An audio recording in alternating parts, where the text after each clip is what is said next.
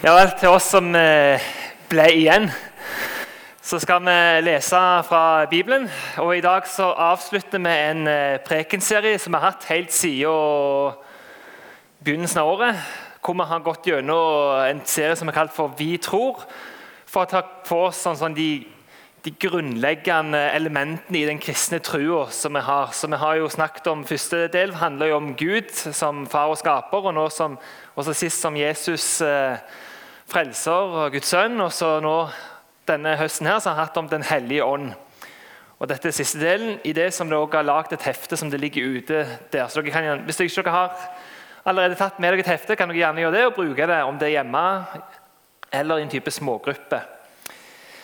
Så Når vi leser fra Bibelen, så kan vi gjerne reise oss. Så skal jeg lese fra Paulus' første brev til korinterne, fra kapittel 15 vers 12-28 og så 54-57. Så la oss be om lys over ordet. Gode Gud, vi ber om at når vi hører ditt ord blir lest og forkynt, at du åpner det for oss og la oss få ta imot det med glede og takk og bygge våre liv på det. Amen. Men når det blir forkynt at Kristus er stått opp fra de døde, hvordan kan noen blant dere da si at det ikke finnes noen oppstandelse fra de døde? For hvis de døde ikke står opp, har heller ikke Kristus stått opp. Men er ikke Kristus stått opp, da er vårt budskap tomt, og deres tro er også tom. Da står vi som falske vitner om Gud, for da har vi vitnet imot Gud når vi sier at han har oppreist Kristus, noe han ikke har gjort hvis døde ikke står opp. For hvis døde ikke står opp, er jo heller ikke Kristus stått opp. Men hvis Kristus ikke er stått opp, da er deres tro uten mening, og dere er fremdeles i deres synder. Da er også de fortapt som har sovnet inn i Kristus. Hvis vårt håp til Kristus gjelder bare for dette livet, er vi de ynkeligste av alle mennesker. Men nå er jo Kristus stått opp fra de døde som førstegrøden av den som har sovnet inn. Fordi døden kom ved ett menneske, er også de dødes oppstandelse kommet ved ett menneske. For slik alle dør på grunn av Adam, skal alle få liv ved Kristus. Men hver i sin tur. Kristus er førstegrøden. Deretter ved hans gjenkomst følger de som hører Kristus til. Så kommer slutten når han overgir sin kongsmakt til Gud, sin far, etter at han har tilintetgjort alle makter, myndigheter og krefter. For han skal være konge helt til Gud har lagt alle fiender under hans føtter. Den, den siste fienden som blir tilintetgjort, er døden. For alt la han under hans føtter. Når det står alt, er det jo klart at Gud er unntatt. Det er jo Gud som legger alt under ham. Men når alt er underlagt ham, skal også Sønnen selv underordne seg Gud, som har lagt alt under ham.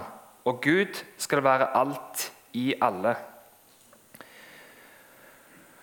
Og når dette forgjengelige er kledd i uforgjengelighet, og dette dødelige er kledd i udødelighet, da oppfylles det som står skrevet.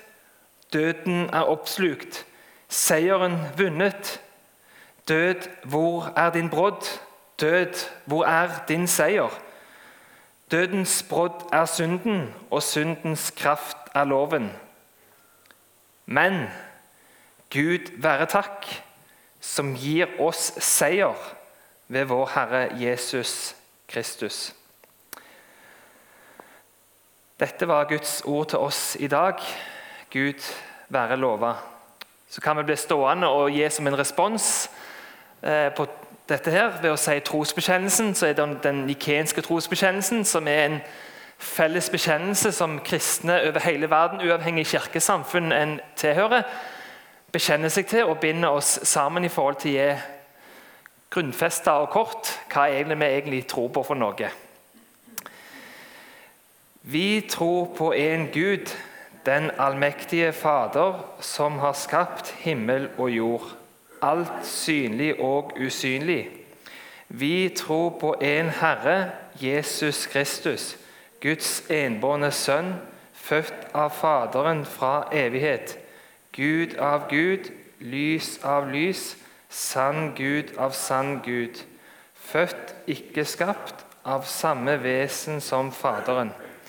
Ved ham er alt blitt skapt, for oss mennesker, og til vår frelse steg han ned fra himmelen. Han er blitt skjøt ved Den hellige ånd av jomfru Maria, og er blitt menneske. Han ble korsfestet for oss, pint under Pontus Pilatus og gravlagt. Han oppsto den tredje dag etter Skriftene, for opp til himmelen og sitter ved Faderens høyre hånd. Han skal komme igjen med herlighet og dømme levende og døde. Og på hans rike skal det ikke være ende.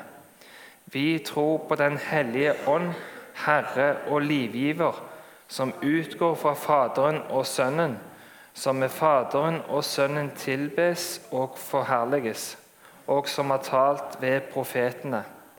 Vi tror på en hellig, allmenn apostolisk kirke. Vi bekjenner én dåp til syndenes forlatelse og venter de dødes oppstandelse og det evige liv. Amen. Vær så god og sitt ned. Så vil jeg da be Arne Birkedal komme opp, som i dag skal ha ansvar for en uh, samtalepreken. Arne. Så det, det, får du forklare litt mer rundt hvordan det skal gå. Det må lyse rødt. Jeg gleder meg jo, til det. Eh, skal, det er jo en spesiell dag i dag. Eh, og det er jo eh, mange som nok inngår i denne helga og denne dagen på, på mange forskjellige måter. Eh, det er fire lys her framme for at vi skal minnes noen av våre som har gått bort. Eh, noen har, går inn med denne dagen med et stort savn en sorg. Andre har det gjerne litt fjernt lenger vekke. Så det er en, det er en litt spesiell dag. Eh, temaet i dag er jo troen og håpet og himmelen. Og vi tror jo, som Einar leste fra 1. Korinterbrev, dette fantastiske, lange verset, men som, som, omhandler dette med troen, livet, døden og himmelen. Og så døden. Hvor er din seier? Hvor, er din brodd, liksom? Jesus har overvunnet alt det. Vi tror på en himmel, vi tror på et liv, og vi tror på et liv som ikke bare er her, men også som går videre inn i døden. Jeg er jo oppvokst med denne historien om uh, han her som vokste opp uh, En eldre kar på Madla vokste opp der. Og så, og så, var det et møte på aldershjemmet, og så var det en predikant som var der. Den predikanten tror jeg faktisk var broren min. Og så, så forteller han gamle her at nå, nå skal dere snart se dødsannonser i aviser. Men da skal dere ikke tro på det, folkens. For da lever jeg som aldri før. Ikke sant? Så vet jeg ikke om det er sant at det var der, og at den er en vandrehistorie. Sånn. Johannes 14, 14,1 så står det altså La ikke hjertet forferdes eller bli grepet av angst, som det står i Bibelen, gamle oversettelse. Tro på Gud og tro på meg. I min fars hus er det mange rom. Var det ikke slik, da hadde jeg sagt dere det. For jeg går bort for å gjøre i stand et sted for dere. Og når jeg har gått bort og har gjort i stand et sted for dere, kommer jeg igjen og skal ta, til, ta dere til meg.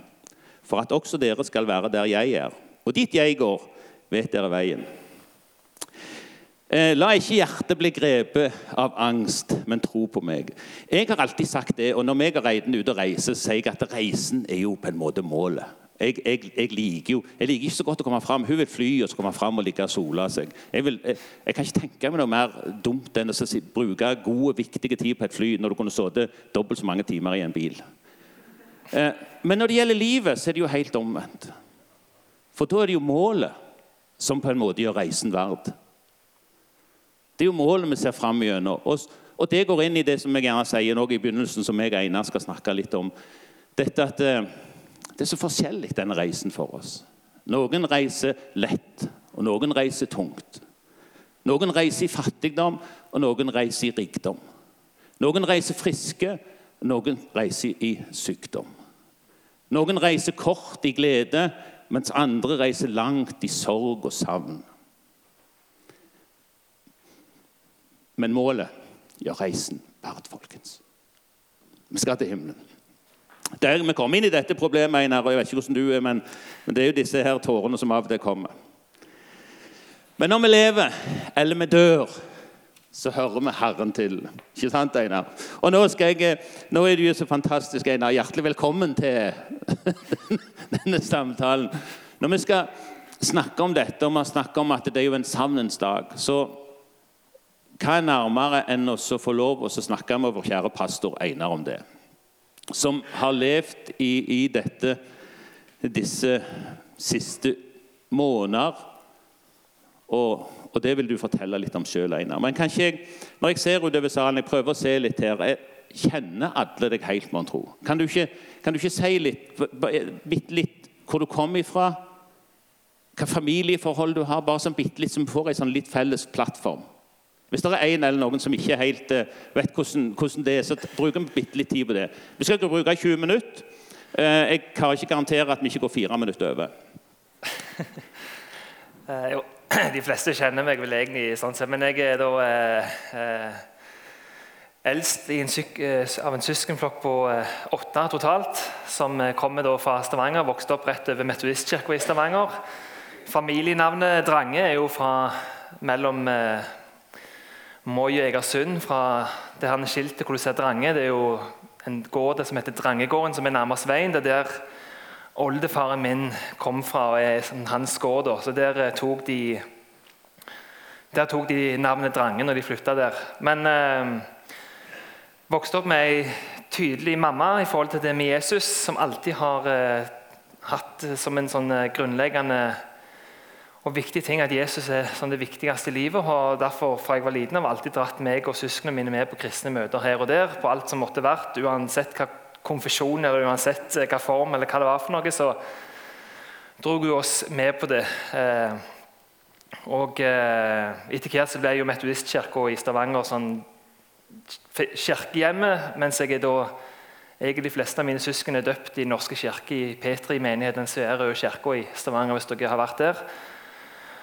Men eh, vi ble etter hvert fast i Metodistkirka pga. Eh, nabofamilien som flytta inn ved siden av oss, og som dro oss med der. og hadde da vår faste plass på, i kirka på bakerste benk, hvor vi satt en haug med unger. og eh, Veldig urolige unger, lagde mye spetakkel. Og masse eldre folk som ble eh, sint på oss i forhold til at vi bråkte så mye, så de hørte ikke hva pressen sa. Men eh, og Jeg fikk nok ikke med meg så mye hva det egentlig handla om, sånn hva de sa, men jeg fikk i fall det under huden av viktigheten av at søndag var en kirkedag. Viktigheten av å være i et kirkefellesskap, og at uh, i livet så var det noe mer enn bare det en kunne se. At en hadde en Gud over seg over livet, og at uh, det som var i livet, var veldig bra og flott. Uh, mamma hun tok aldri og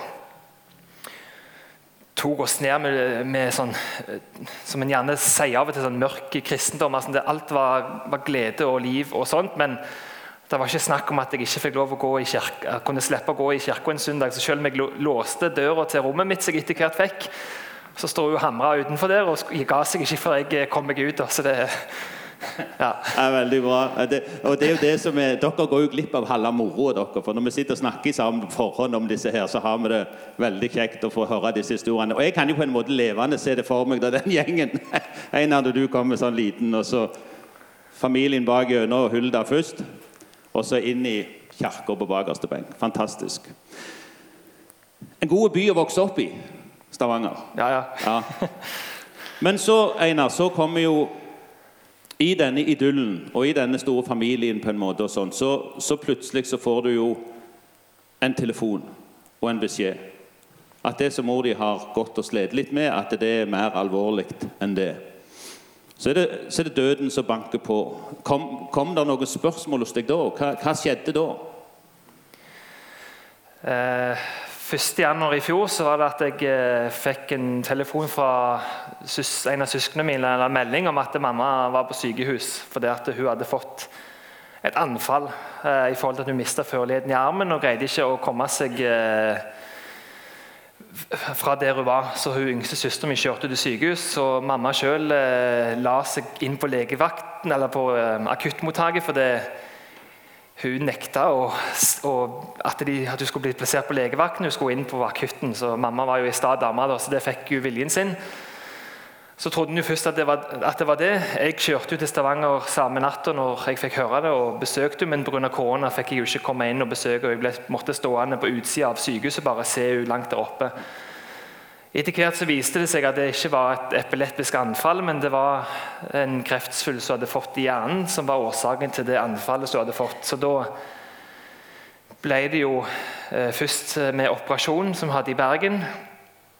Og da var det kanskje sånn første gang det gikk litt sånn hardt inn på meg. dette her, for da, Etter operasjonen så kunne hun jo ikke gå, og hun kunne ikke bruke den ene armen, for da hadde de jo tatt ut deler av det som var i hodet hennes. Men eh, der og da så trodde jeg jo at dette var noe hun skulle bli frisk av. for Hun hadde alltid kommet seg gjennom alt annet. Uansett hva det var, så hadde staheten og arbeidsviljen dratt henne gjennom det som var. og For noe, en del år tilbake så risikerte hun å miste armen i en sånn veldig alvorlig eh, forgiftning. Men da ja, la hun seg selv inn på sykehus og lot eh, legen gjennomføre en operasjon uten bedøvelse. fordi at Legen sa ja, du har åtte unger, da, da kjører vi på uten bedøvelse, for du tåler litt. sa han. Så det men eh, etter å ha tatt eh, en, en, telefon til en lege, for mamma begynte å snakke, ring, ring, ringte også til meg og begynte å skulle ha gjennom hvordan en begravelse skulle være. Hva sanger hun ønsket, og, ja, og hvordan hun ønsket hun skulle ha det. Og jeg bare ble litt sånn Hvorfor, ja, hva er dette for noe? Så jeg ringte i etterkant til legen. hadde og Da fikk jeg jo vite at dette er ikke noe som en blir frisk fra. Dette er noe som eh, det ikke er noe medisinsk hjelp for. Det er bare å forlenge livet så lenge som mulig. Og jeg fikk sånn vite sånn cirka hvor lenge hun hadde igjen. og etter det så mørkna det på meg i to uker, så jeg sykemeldte meg jo samme dagen i to uker. Så, men etter det så var jeg sånn sett tilbake i en jobb. Og, men uh, ja. Jeg tenker litt sånn hva, hva en sånn, Når du kommer inn i det, hva gjør det med deg som, som prest òg? Altså, kommer du i tvil om det fins en Gud, eller, eller, holder du deg så fast til at du, du ber om helbredelse, og du tror at hun skal bli helbreda? Hun var jo tross alt ung. Eh, og, og hva, hvordan, hvordan gikk, følte du det? Rokka det ved troen din, på en måte? Uh, jeg kan ikke helt huske hvordan det var før jeg fikk vite den beskjeden at ok, dette er så alvorlig det var. Men etter jeg fikk tele to telefonen til legen i forhold til at dette er det ingen sånn utvei fra medisi medisinsk, så har jeg aldri bedt om at mamma skulle bli helbreda i forhold til når jeg har bedt for henne. Mm. Uh, aldri bedt om at hun skal bli frisk, eller tenkt at hun kanskje blir frisk. Og Det kan jo høres litt sånn rart ut for enkelte, og det kan kanskje vitne om en svak tro. og Det får sånn sett bare være. Men for meg så ble det at det har også litt med min erfaring med andre mennesker som, har, som jeg har rundt meg, som har også hatt en veldig sterk gudstro og bedt veldig mye, men som nå har fått en sånn alvorlig diagnose så de døde av det. Så for meg så ble det bare å Jeg mista ikke noe tro på Gud i det hele tatt. Eh, men jeg ba da til Gud om at han måtte hjelpe mamma og oss til å få et så, til å ha det så bra som mulig til den tida hun har igjen. Og så var det egentlig for meg å det var på en måte viktig å omstille meg. Okay, dette, dette vil mamma dø av.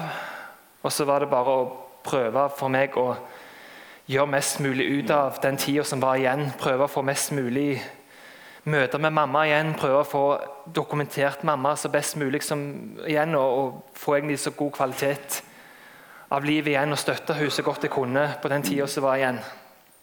Det, jeg tenker at det kan være en eh, En har en en sterk tro på Gud, at han kan gripe inn i alle situasjoner. Og at han kan helbrede og sånn.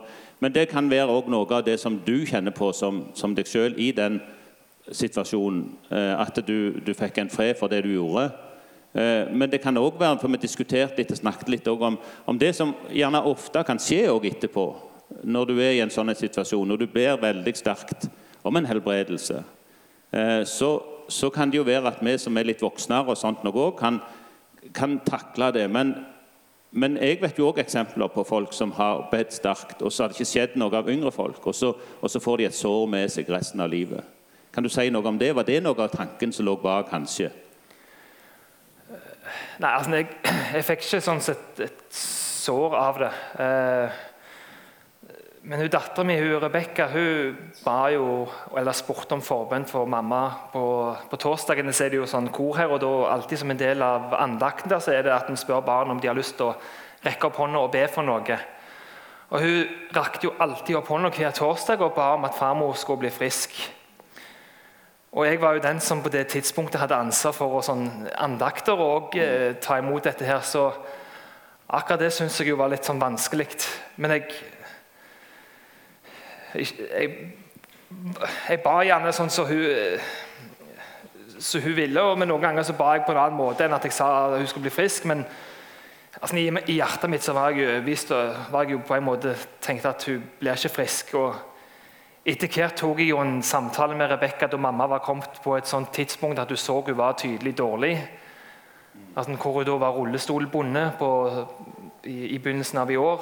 og eh, du, du kunne, Barn kunne også tydelig se at okay, nå var hun veldig annerledes enn hun var tidligere. Så da tok jeg jo samtalen med dattera mi, hun eldste på ni år, og sa at framover hun blir nok ikke frisk selv om vi ber for henne, men at vi kan be om at Jesus må passe på henne, at hun må ha det bra i den tida igjen. Så da skifta jo òg Rebekka når hun rekte opp hånda, at det var det hun, hun ba for. da. Men, eh, så på en måte tok jeg jo et håp fra dattera mi, men jeg har alltid tenkt det er viktig å gi mennesker et sant bilde av å leve sammen med Gud. At Gud for meg i hvert fall er ikke en garanti for at en får et et sånt, At alt går bra i livet, mm. eh, men at han heller det, det, det, sentrale for meg i forhold til det med kristen tro er det at dette livet er ikke det siste. Altså det, og at eh, håpet som Gud gir oss med et evig liv, det er det som er med og ber oss gjennom det som er av utfordrende ting i livet. Men at ja. vi som alle andre, utenom,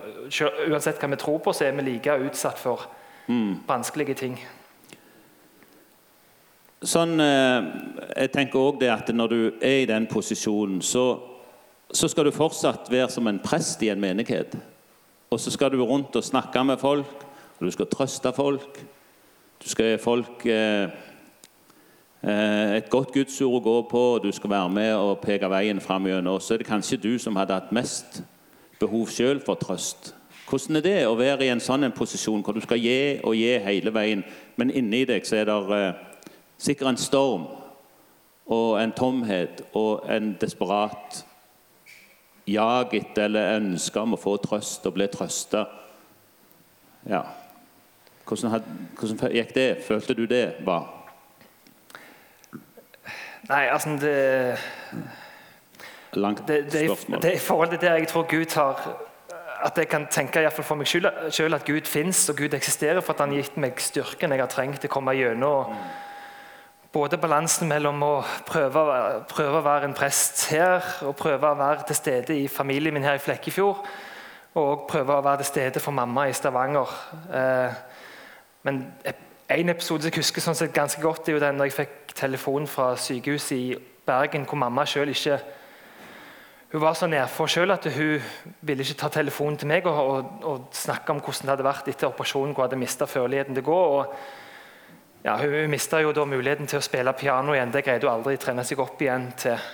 Men eh, da var jeg jo på teknisk senter, og så, så, da ble jeg jo helt satt ut. Og så skulle jeg jo rett etterpå hjem på et hjemmebesøk til et eldre ektepar for å dele nattvær og sånn. Så, men, men, det møtet med det eldre ekteparet var jo sånn sett så godt i seg sjøl at eh, det er på en måte, altså De menneskemøtene jeg har hatt, uansett om jeg har møtt mennesker for at altså, de utgangspunktet var i sorg, eller altså, de, de, trengte meg for at jeg skulle liksom trøste dem, så har det òg gitt meg noe i forhold til de menneskemøtene som jeg har hatt uh, gjennom hele året. Men jeg, har vært, jeg, har vært, litt sånn både i forhold til hvor mye jeg skal gjøre dette synlig for menigheten. skal liksom det som jeg bærer på indre, blir sånn kjempesynlig. sånn at eh, mange gudstjenester og om det konfirmantopplegg skal liksom bære preg av at okay, ting er vanskelig inni, eller skal jeg prøve å, å la ting gå som normalt? Så landa jeg jo på at jeg prøvde å få ting til å gå som normalt,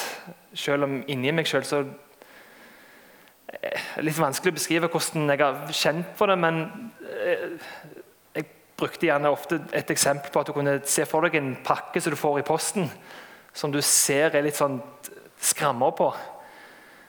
Og så er det først når du åpner den inni, så ser du at alt er jo fullstendig knust. og så det er sånn, jeg, sånn jeg har følt meg fra jeg fikk den beskjeden om hvor alvorlig det var med mamma. For det, hun har jo fra jeg var født vært den viktigste personen i livet mitt. Så det å sånn sett få vite at okay, nå er det om kort tid en sånn slutt eh. Mor, Mammaen din hun, eh, hun, døde jo i troen på Jesus. Hun hadde en sterk tro, og hun var sikker på hvor hun skulle hen. og Det, det vet vi. liksom. Det har mange vitnesbyrd ifra, og det vitner hun om sjøl òg, som vi skal se litt. Og, og sånn etterpå. Men, men, men, du hadde jo òg en så, altså, Kanskje skal vi snakke om de forskjellige For når vi snakker om livet og døden og himmelen, så, så sa vi jo det i begynnelsen liksom også, at det er jo mange, det er mange forskjellige reiser på det målet. Eh, og det er mange som opplever det på forskjellige måter. Og så har du mor di, som, mammaen din, som opplever det på denne måten. Og så har du far din, da. Vi, for å få belyse liksom litt, litt, litt, eh, på en måte litt begge deler, og belyse håpet Eh, din far, var, var han, han død for en stund siden. Var han en troende, f.eks.? Han døde i 2010. Eh, for ikke å gå veldig mye inn på han, så kan jeg bare si at forholdet, med, forholdet jeg hadde til mamma og han, går ikke an å sammenlignes. Da må du tegne det opp som to ekstreme motpoler til hverandre. Mm. Eh, Eh, litt sånn vanskelig hva jeg skal si i forhold til å prøve å ære foreldrene. Men uh, det, var, det var fall noe helt det, det, Jeg har ikke hatt noe nært forhold til far min i det hele tatt. Men han vokste opp også i en kristen hjem ja. som barn, sånn som mamma. Mamma hun berte dette tydelig gjennom hele sitt liv mm. i forhold til alt det hun sa og kommuniserte og gjorde. Og var sikker på hvor hun, altså, eller så sikker som et menneske kan være i forhold til at okay, dette livet er ikke det siste, nå skal jeg hjem. Mm, mm. Og Det, det barte jo også preg av gjennom hele sykdomsperioden at uh, altså, jeg, vi skal ses igjen. Uh, mens far min vokste opp, som jeg har hørt Jeg har aldri møtt hans eh, foreldre, for de var døde lenge før jeg ble født. Uh, så det er bare han jeg har møtt fra hans familie. Men han skulle visst ha vokst opp i en sånn veldig streng, pietistisk hjem. Og, eh, men, men, med foreldre som var veldig dedikerte og overgitt til Jesus eh, på den måten der. Mm. Men, som, eh, men hvor han valgte å forlate den kristne troen når han kom på om det var ung, det som er tilsvar videre, videregående i dag. For da fikk han en lærer som sånn sett gjorde narr av dette her. hvorfor mm. Det er bare tull, dette med kristne tro. Så da valgte han å heller høre på, på læreren enn sine foreldre. og så lenge jeg kjente han, så var det aldri noe som vitna om at han hadde gjort noe endring på det i forhold til hvordan han oppførte seg eller i forhold til hvordan han sa. Mm. Han kunne gjerne en, av og til gå på gudstjenester, spesielt etter han ble veldig syk. for da hadde han ikke så mye annet å gjøre. Og I kirka var, var, det kanskje den eneste plassen han ble tatt, han ble tatt imot. Selv om han var sånn som han var. Han var veldig spesiell. Og så var han jo vokst opp med den type sånn salmemusikk, og sånn, så han gikk jo der eh, da. men og Så ble han jo etter hvert så syk at han havna på sykehjem. og Da var jeg og mamma dro meg og søstera mi, hun, hun, som er ett år yngre enn meg, ut på, på, sykehjemmet hvor vi hadde sangmøter for han og for de andre som bodde der. så de Personalet dro hans eh, seng ut i sånn stuer der, og så kom det andre folk. Og så hadde vi sangmøter og sånn fra ja, Tenker, deg meg som forsanger fra, fra sanger fra sangbok og hadde andakt og sånt. Men jeg han har aldri sagt noe til meg, men på, i begravelsen ba, i 2010 så ba mamma meg om jeg kunne ha talen der. så Da valgte jeg å tale over lignelsen om arbeiderne i vingården. Mm. Og Det handler jo om en historie som Jesus forteller om at det kommer arbeidere som blir kalt av en, av en vingårdssjef. og Så kommer de på ulike tidspunkt. og så De første de blir lovt én denar i lønn for en hel dags arbeid. Og så Etter hvert så går han ut og henter nye arbeidere underveis i løpet av dagen som, som velger å stille seg fram for å, for å jobbe. Mm. Og så er det jo historien den her at eh, de som kom sist og gjerne bare arbeider en time og i, i sammenligning med de som har arbeidet en helt arbeidsdag, de fikk den samme denaren, den samme lønn. Og så er Jesus sin poeng med den historien at vi blir alle møtt med den samme nåde, uavhengig hva tidspunkt vi svarer ja Amen. til dette kallet om å komme inn i dette arbeidet. Så, mm. Så jeg vet ikke, jeg vet ikke hvor han hva, hva som ligger i hans hjerte, det er det bare Gud som gjør. Men jeg tenker også i forhold til han, og i forhold til om det andre som har, her har slektninger eller familie eller venner som en er usikker på, så er det iallfall et Budskapet fra Jesus er at det er håp Mm. òg for de som en ikke vet sjøl. Ja. Eh, fordi at det er Det er på en måte Herren som, som avslører hjertets tanker. på en måte. Altså Det er han som eh, Jeg syns vi har en fantastisk historie i Bibelen om han eh, som hang på korset, som bare spør om en tanke, og som er førstemann. Det er så godt at vi slipper på en måte å, å ta disse avgjørelsene. Vi har en, en Gud som har en utrolig nåde, som vi tror på, og som vi lever i. Einar, det, dette når, når eh, vi, vi begynner å gå litt mot eh, kanskje litt avslutning, og sånn, men, men vi snakket òg litt om det at når, når døden blir bringt på bane, på en måte, så, så skjer det noe hos mennesker. For da begynner disse viktige spørsmålene å komme fram. Altså, hvem, hvem er jeg? Hvorfor lever jeg? Hva er liksom meninga med livet? Og sånn. Og så bringer gjerne det en del samtaler og sånn i nærmeste familie òg, men, men ellers. Og for oss sjøl òg. Så er det jo når døden gjerne banker på at disse dype spørsmålene kommer. Hvordan opplevde du det litt? Kan du si litt om det, eller er det eh, altså, jeg, jeg mister ikke noe gudstro i dette her. Nei. For jeg, jeg hadde ikke en forventning. Altså, I Guds bit- bitte mitt så hadde jeg ikke sånn Ok, Gud må fikse dette her. Gud må helbrede dette her. Mm. Men Gud har heller reist Jesus opp fra døden. Og alle som tror på han skal også få den muligheten til at så dette livet er ikke det siste. Men eh, det, det gjorde jo noe med meg i forhold til ja, i forhold til tida jeg brukte mamma. I forhold til samtalen med mamma, så er det jo altså, på, på, det, det får en jo så klart stille spørsmål ved at det, det ting en skulle absolutt gjort annerledes i livet. Eh, hadde jeg visst dette her, så er det jo så mange ting jeg hadde gjort annerledes. Eh, altså, jeg tok jo mamma som en selvfølge, for hun var jo så frisk og så oppegående helt fram til den diagnosen kom. Så nei, altså, det, det, er mange ting sånn, som en kunne stille seg i altså, Jeg valgte å flytte til Flekkefjord. Det gjorde jo at jeg i syv år har sånn sett ikke vært så mye med mamma som jeg kunne vært hvis jeg bodde i Stavanger. Men eh, jeg, jeg måtte bare mentalt innstille meg på at mamma ville dø. Og, og, og for mine egne søsken så spilte jeg jo inn videoer med mamma hvor hun fortalte om ja, om søsknene mine, hva hun husker best, hva hun setter mest pris på. Og Det visste ikke de før dagen etter mamma var død, hvor vi hadde vært oppe og først sett hun liggende død på sykehjemmet. og Så viser jeg denne videoen for, hun, for de, hvor, eh, hvor hun fortalte. da. Så det var Det var veldig sterkt, spesielt for hun yngste søstera mi, som bare er 22 år. Å få se mora hennes som nå er død, sitte og fortelle og hvor mye hun har satt pris på henne, og ønsker lykke til i, i livet. Og, ja. Vi skal se en, skal se en liten filmsnutt, men, men, så dere gjerne kan gjøre klar. Men før det, Einar, jeg tenker at du eh, Et av de store spørsmålene for vår del som menighet er jo hva, hvordan har du følt å ha en menighet bak deg? Forbønn? Eh, hvordan har du opplevd det å stå, stå som en del i en, eh, en menighet? Å være et menighetsmedlem, ikke bare en prest? Jeg tenker i, i det, så For meg så er det igjen et eksempel på hvor, hvor utrolig flott og hvor utrolig bra den gaven som en menighet er, som Gud har gitt. Altså det at Jesus starta i kirka et fellesskap, et stort fellesskap som kommer sammen for å støtte hverandre, stå med hverandre i forhold til det en møter i livet. Eh, Altså et fellesskap en kan komme med den en er, og med det en bærer på.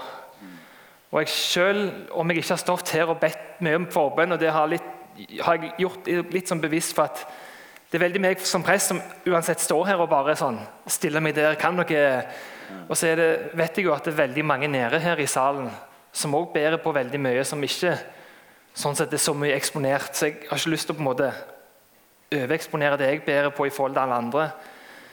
Men jeg har kjent selv på en utrolig støtte i forhold til folk som har tilbudt og hatt samtaler med meg i den tida, folk som har bedt for meg. Eh, Folk som har hjulpet meg med praktiske ting hjemme i huset. For jeg har liksom så vidt hatt overskudd eller, eller hatt det jeg trenger til å bare få gjort det jeg må gjøre i kirka her. Og, og, i forhold til når selve døds, døds, altså når døden inntraff meg mamma, det at jeg greide å komme meg gjennom den begravelsen som jeg måtte ha selv for min egen mamma, for det var det hun ba meg om, tenker jeg at det er igjen et tegn på hvor sterk Gud er, og, og at det, den forbønnen som jeg har fått for denne menigheten, er det som har båret meg gjennom dette. her.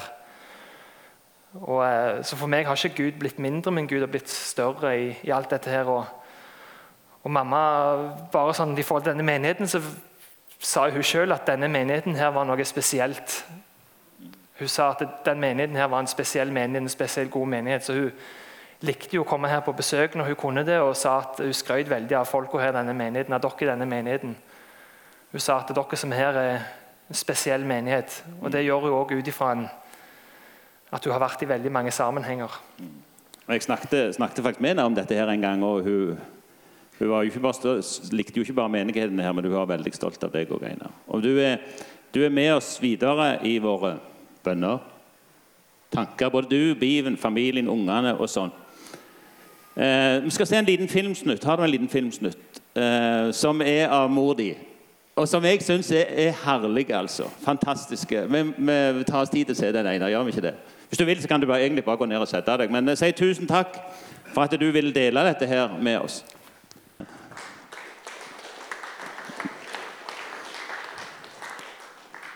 Jeg håper det er hester i himmelen. Har vi ikke alle noen sånne saker? Men det gjør det så nært, og det gjør det så ekte. Og himmelen, livet og døden, det er faktisk en del av livet vårt. Eh, der skal vi, folkens. Og der skal vi få med oss så mange som vi kan. Og Det er derfor vi driver menighet. Troen på Jesus den bærer i seg en kraft for å leve hele livet. Vi har ikke den krafta, men det er jo det Einar òg vitner om. at når han har Gud med på laget, Jesus med på laget, så, så gir det kraft i situasjoner som en ikke trodde en skulle få kraft i. Ja, om til og med jeg vandrer i dødsskyggens dal, sier David, så er du der. Og dette håpet, Vi snakker om troen, håp og himmelen. Troen og håpet det er et evig håp. Vi leste det i begynnelsen når det gjelder om himmelen. La ikke hjertet bli grepet av angst, men tro på Gud og tro på meg. Se, jeg går av sted og gjør i stand et rom for dere. En plass dere skal være. En by, et rom, et sted som han har holdt på med så lenge. Tro på Gud og tro på meg. Se, Guds bolig er hos menneskene. Han skal tørke bort hver tåre fra deres øyne. Døden skal ikke være mer. Heller ikke sorg, heller ikke skrik, heller ikke smerte. For alt som før var, det er borte. Se, jeg gjør alle ting nye, sier han i Åpenbaringen 21. Og den som tørster, han vil jeg la komme og drikke av kilden med livets vann for ingenting, for intet gratis. Den fantastiske tro vi får lov å ta imot. Og det er et fantastisk håp vi får lov å ha. Og det er en fantastisk himmel som har blitt forberedt i alle disse år, som venter hver eneste en av oss. Så er det jo om å gjøre at vi sier ja til det tilbudet her i dette livet. Kjære himmelske Far, vi takker deg for at vi får lov å være dine barn. At vi ikke bare kalles dine barn, men får lov å være dine barn. I ungdom og i barndom, i lek og i tårer, så får vi lov å tro på deg og stole på deg. Og Når det går mot livets vår, livets høst, og det begynner å gå mot slutten, så får vi òg lov å stole på deg, at det livet som, som, har fått, den troen som har fått, den bedre gjennom døden. For døden har ingen seier lenger. Døden har ingen brodd, for du har vunnet seier over alt det. Jesus, jeg ber om at du er med og velsigner hver eneste en av oss, at vi tar disse gode valgene og følger deg. Og Jeg ber om at du velsigner Einar og familien i det de har vært igjennom, og det som ligger foran. I alt det som ligger foran òg, Jesus. Takk for at du går med. Takk for at vi får lov å legge vår lit og stole 100% på deg. Amen.